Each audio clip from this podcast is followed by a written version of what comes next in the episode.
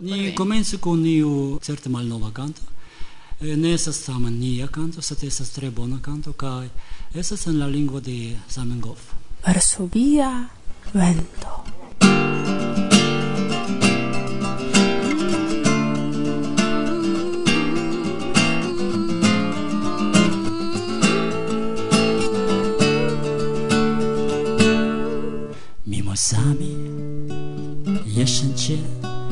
Zaczyna Złotawa, krucha i miła. To ty, to ty jesteś ta dziewczyna Która do mnie na ulicę wychodziła. Od twoich listów pachniało sieni Ty wracał zdyszany ze szkoły A po ulicach lekkiej jesieni Fruwały za mną jasne anioły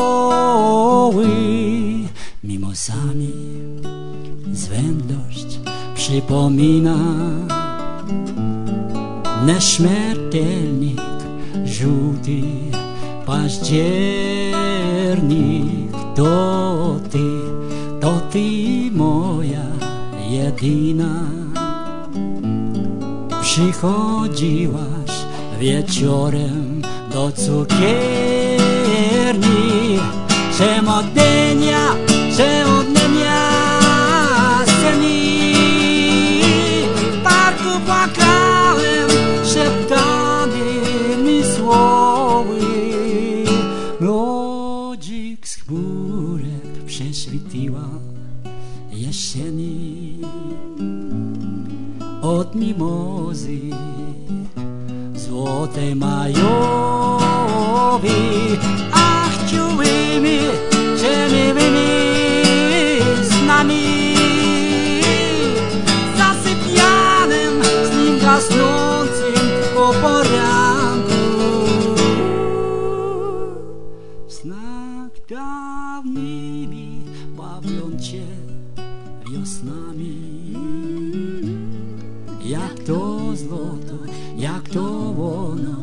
wiązanko.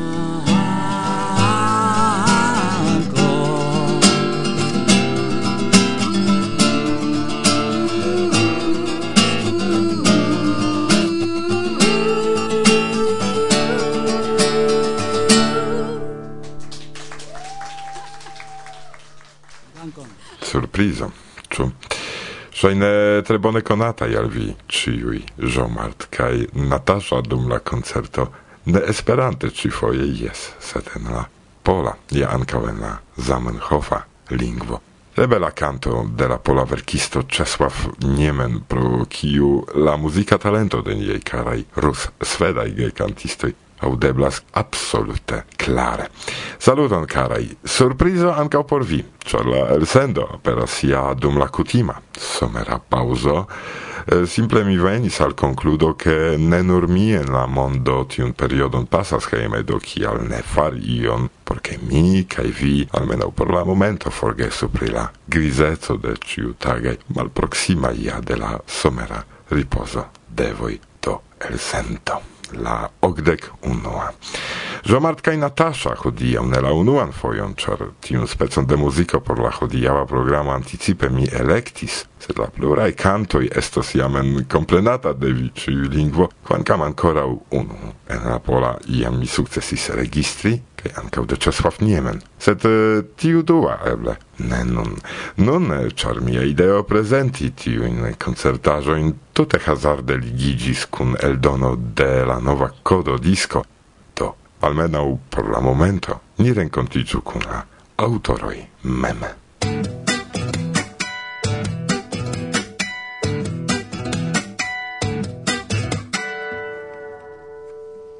En mia hejmo Loĝas de longe malgranda miraklo.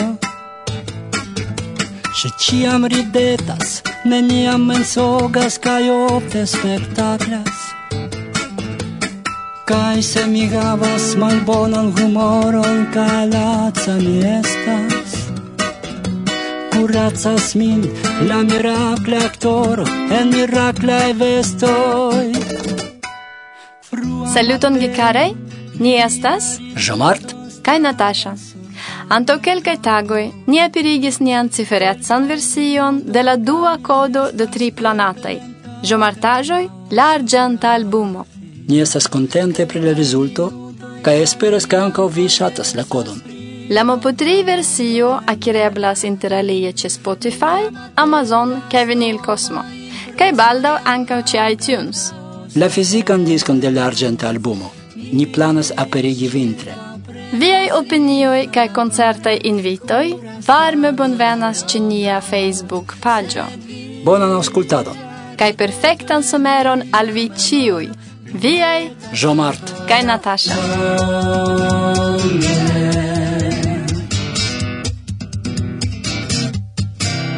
Miraclo cantetas, malgaia encanto en semisopiras Au simple silentas, apude sidante se mancas inspiro Ni ambau ne shatas multe paroli pri tagaj aferoj Kaj televidilon rigardi ne volas ni amba vespere.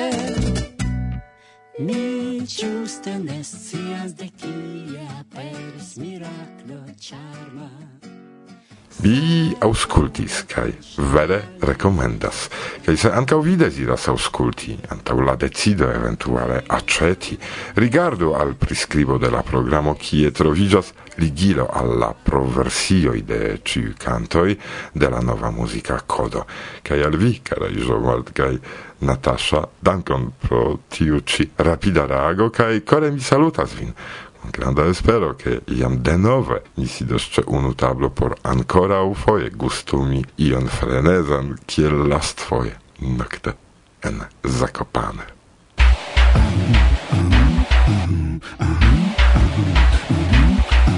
Glavkos, agapite file, sa se fherist to boli.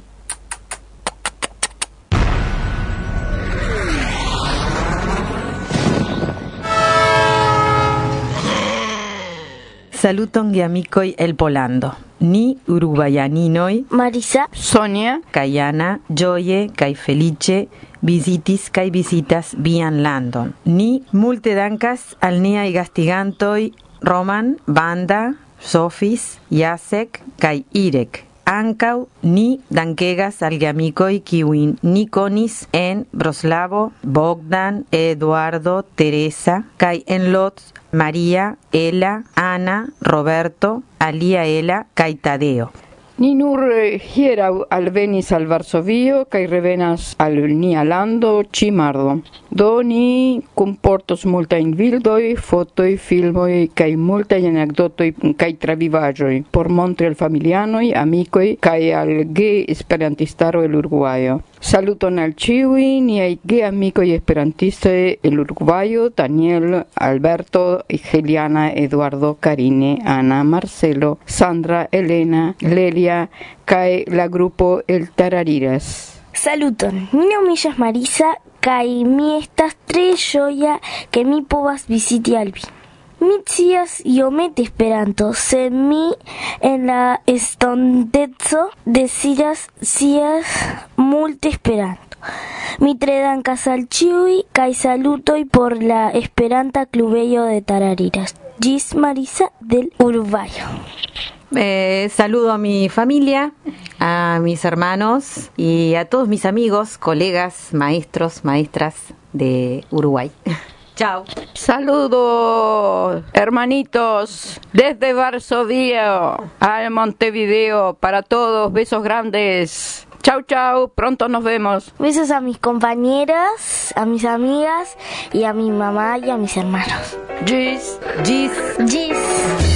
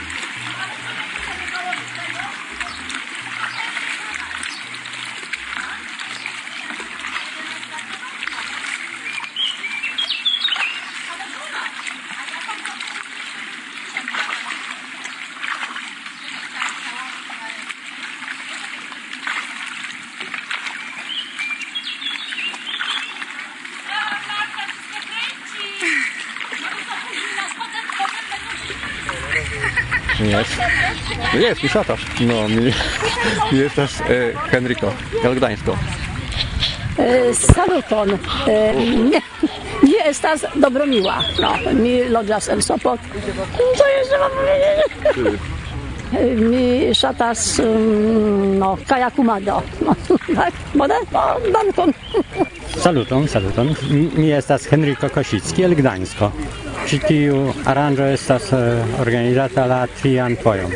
No, mi tre ŝatas, ĉar eh, no estas tre agrable viziti Gdanskon de sur la nivelo de la akvo. Tute alia aspekto.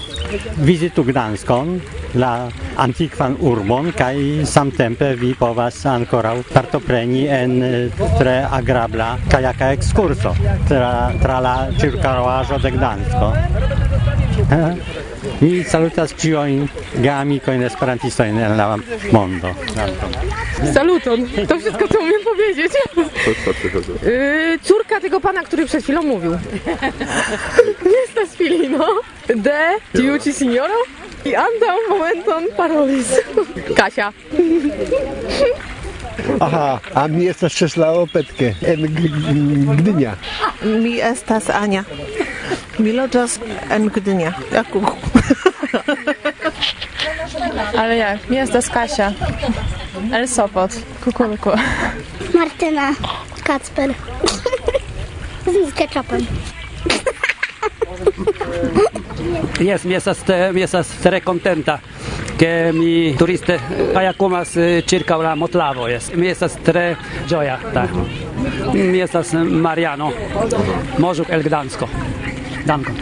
Saluton karaj aŭskultantoj de Varsovia Vento.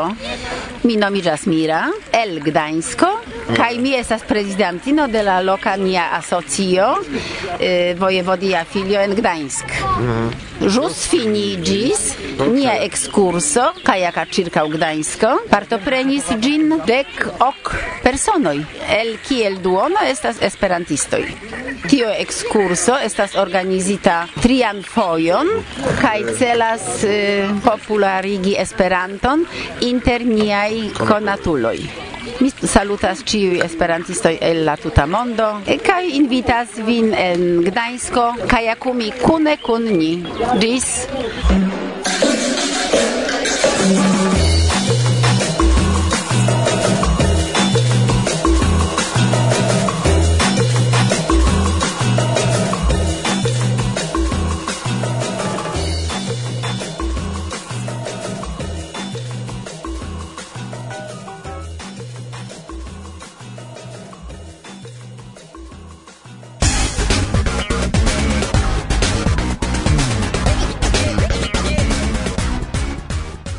Parolas Roman Dobzinski, vi auscultas nun disaudigoin Varsovia Vento. Nenion bon gustan hodiaŭ vi preparis por mi. Somero cara, somere ĉiuj pigriĝas kaj mi ne sentas min escepto. Ah, jes, mi ankaŭ sentas min pigre, tre pigre. Do, antaŭ ol tute ni maldiligentiĝos, eble salutu ni niajn aŭskultantojn. Bona ideo! Saluton, karaj! Kie ajn vi estas kaj ĉu vi sumerumas aŭ devas labori kiel ni? Sidi en oficejo dum kiam ekstere regas vere libertempa vetero. Jes, tro da varmego en Varsovio, almenaŭ nun. Tiu varmego postulas naĝon, naĝon en maro, sen pensadon kaj malvarman trinkaĵon. Kaj ĉio pro mono. Jes, tio estas la vivo cara. Por vesti nin elegante, eĉ somerumi kun geamikoj ie ja monon ni bezonas, ĉu? Nu, jes. Tial, ni ne ploru malgraŭ belega vetero, sed se fakte jam ni renkontiĝis labori, laboru ni, laboru ni, musico. Ne ploru, cara mia, char estas vivo, cara mia. Martusia pripensas studadon de arto. arto. Dos per cannabugi brulas, ven forte agas, kie fumo iras, se tute al oriente, tio signifas, recte blovas verdal, Iom da respect por procrastovem plena. Farita de irake ate am sen pena. Privremel black de best, oggi perfecte vin vecas Se ciam je horo de Sen fine rondele mi rimas. Same al eterne mi respondus che mi crimas. Fairon interne pli forta ol de primo Kaj se las vencas Mi vojaĝu al alla auscultanto e mi promesis, che aperos hodiaŭ ankaŭ Karina kaj Ruda. Karina forveturis hejmen kaj Luda malaperis kiel Gerda. Yes, Karina ne loĝas en Varsovio. Ĉi tie ŝi nur studas kaj laboras. Kaj loĝas en la Silesia Mikouf. Kaj Ruda probable pro tro da. probable pro tro da laboro laste tute ne akceptas telefonojn. Kiam mi estis infano, mi ne scipovis alparoli r, kaj mi devis tiajn poemojn lerni. Czarna krowa w krop, bordo. mi devintos lerni esperantan frazon probable pro tro da laboro. Exacte tion do, rude ne respondas ion ajn. Kaj iu diris, ke telefonoi esas por pli faciligi vivon. Hm, teoria. Tamen, estas mi, Goszka Me, kaj mi, Goszka Martusia. Kaj en dua chambro te komputilo Irek. Li finas jam prilaboron de la son sonmaterialoj por ci programo, kaj tio estas bona surprizo. Speciale por tiuj, kiuj kiel ni dum komenco de la kutima en Europo ripostempo devas labori. Ĝuste. Pro kio do ni parolos hodiaŭ? Eble iam pri aliaj radio proponoj. Ekzemple laste kun vera ĝojo ni rimarkis al sendejon, ke ne nur auskulti oni povas, sed ankaŭ legi la tekston. Oh, bona ideo por komencantoj. Ne nur, kaj tiun stacion vere mi rekomendas por plibonigi sian lingvokonon. Pri kiu el sendejo temas? Pri la Esperanta retradio de sinjoro Anton Oberndorfer. Tre utila ideo. Anka utila estas la Pariza ventro. Ies speciale pro la vortoj ne ofte uzitaj. Sekurzado. Następuje ci czas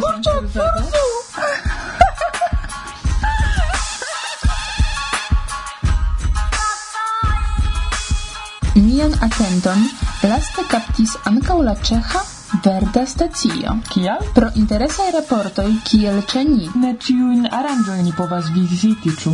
Giuste. Kai tia maniere almeno ni povas ci ke io okazis. Do se pri aranĝoj ni komencis babili, anta programo vi diris, ke kun Irek vi flugos al Sicilio. Ah, yes. Inter la dek okat kai dudek fina de augusto en Mazara del Vallo okazos la itala kongreso. Kai ciu tio estas vero, ke vi planas rekte raporti pri la evento? momento ni havas planon ciu tage presenti almeno dudek du minutajn raportojn en nia retejo. Yes! Nepre auscultu me. Oh, mojose, vere mojose. Tio ancora ne estis, tu? Yes, ne estis. Me kaj viaj planoj por somero? E, ni laboras kai eh, laboras kai produktas eh, dokumentoin. Kial? Mi ekavis novan laboron kai mi ĝuas pro tio kai mi volas labori. Kial? Por progresi. Mi havas planojn aĉeti novajn aĵojn, belegajn ŝuojn,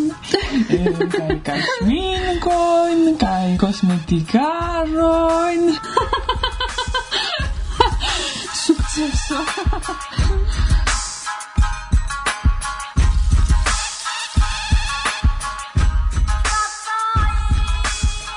Nun iru ni al nia plej ŝatata parto. Certe, al komentoj. Tie tre plaĉas al mi, ke homoj komencis eĉ diskuti en la retejo. Krom niaj karaj kaj fidelaj konatuloj, Susan Buldu kaj Giorgio Esper skribis ankaŭ Fritz Hilpert, Tono de Bo kaj Alessandro de Filippis. Plaĉis al mi komento de Alessandro, aŭskultu. Mi sugestas al uloj de Radio Varsovia Vento gustumi la granita en Sicilio Italio, sed nur tiun, kiun oni vendas ĉe Messino kaj Katanio. Tre bongusta. Cara Alessandro, dankon. Mi amas dolĉaĵojn, do certe ni gustumos. Dankon! Kio estas granita? Sonas bon gusta. Aŭskultu. Granita estas tipo de tradicia itala deserto sicilia. Akvo, sukero kaj aromaĵoj. Ĝi estas semifrostigita substanco similata al sorbeto aŭ glaciaĵo. La plej konataj granitaj gustoj estas citrona, oranĝa, pipromenta, amanda, kafa kaj ĉokolada. Specialeco de Catania. Estas kutime preparita en maŝino por glaciaĵo. Mm. Do vi diris kiam estas tiu aranjo en Italio?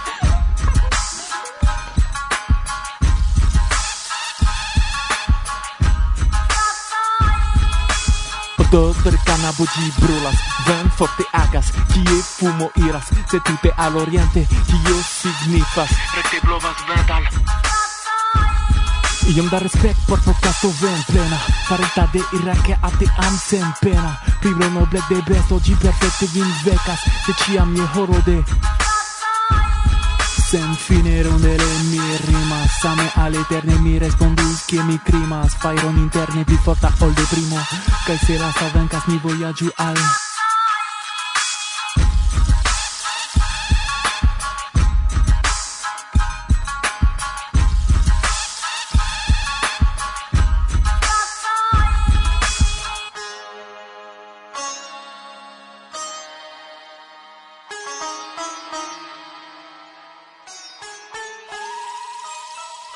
Vi scias, che Esperanto-artisto ne estas normala artisto, ĉu ne? Oni concertas du aŭ tri foje jare.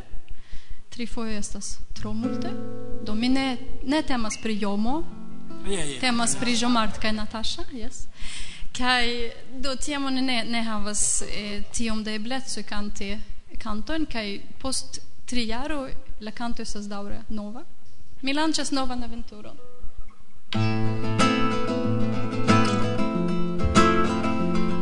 Mi lanĉas novan Mi lancias novan aventuron. Valizo ca gitaro pretas. Tetrana rade haston cura La vigna reva nun ripetas. Yeah. Adiau viv mal poesia Saluton mioi cae raconton odoroi de la Montvisia, amicoi cantoi cae racontoi. Yeah, exist rutinas porque sendas, impresso in nova in muoio sembra, sciatina e urbo e charme e nome, delle cutima di faromo.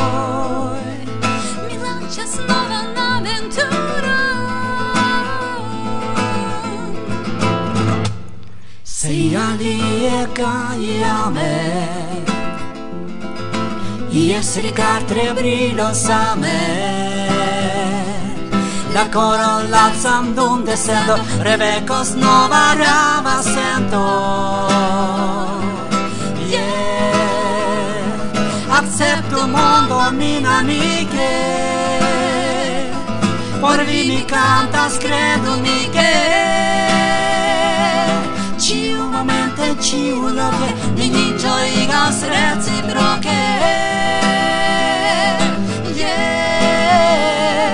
Exist rutinas forge sendas Impreso in nova in voglia sendas Shatinda e urbo e ciano e home Delle ultima vi parome La neccia fris, la buntoletta La incandesca sun deserta La tutta mon por mi amiro E por in pecca e por inspiro lancias novan aventuron Valizo kaj gitaro pretas De trajnaj ranoj hastan buron La lignaj revoj nun ripetas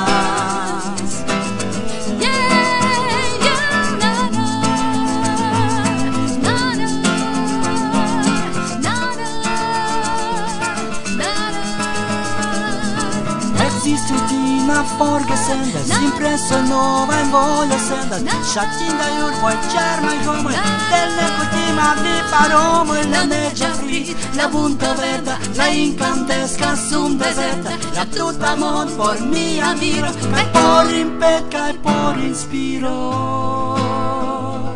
Mi lancias novan aventuro.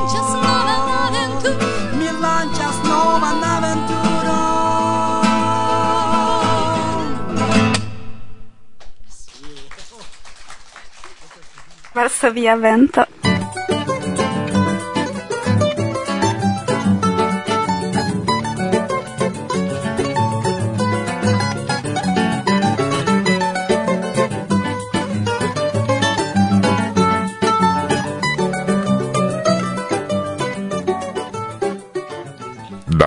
invito de la Pola Esperantistaro, lige kun cendudek kvina jarigio de la lingvo, visitas Varsovion, fakte finas jam sian turneon tra Polando, la honora prezidanto de la japana firmao Sfane. Saluton! Saluton! Mi estas Esuo Miyoshi, el Japanio. Mi loĝas en la Shikoku insulo, en Japanio, suda oriento de Osaka. Se jam mi menciis pri via firmao, pri kio ĝi okupiĝas? Mia kompanio fabrikas gantojn kaj bastonbarizojn. Kial eh, prezidanto de iu granda firmao parolas Esperanton? Ĉar antaŭ kvardek jaroj mi regis esplorado de vivĝojo verkita de maestro Hidemaro Deguchi kaj mi vekiĝis pri Esperanto. Ĉu vere la ĉefa majstro de la omoto religio proponas al la kredantoj lerni la lingvon? Ah, li mencias uh, kiel vivi en citiu mondo, sed uh, lia filo skribis raporto de Esperanto mondo, kaj li veturis pli ol dek kvin landoj pere de Esperanto, kaj raportis eh, en 1960 kvin.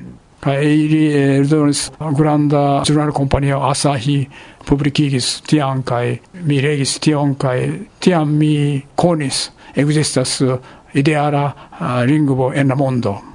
Do vi comprenas che la ideo de Esperanto similas al principoi de Omoto. Yes, yes, giuste similas al Omoto, kai Omoto devisas unu dio, unu mondo, unu interlingvo. Tio signifas ciui religioi devas pacigi, kai mm, unu mondo signifas eh, monda federalisma movado kai unu interlingvo esas juste Esperanto. Arie la mondo ne pacigios en estontezo Kial do Esperanto, ne la angla, kiu de multaj traktata estas nun kvazaŭ la universala en la mondo?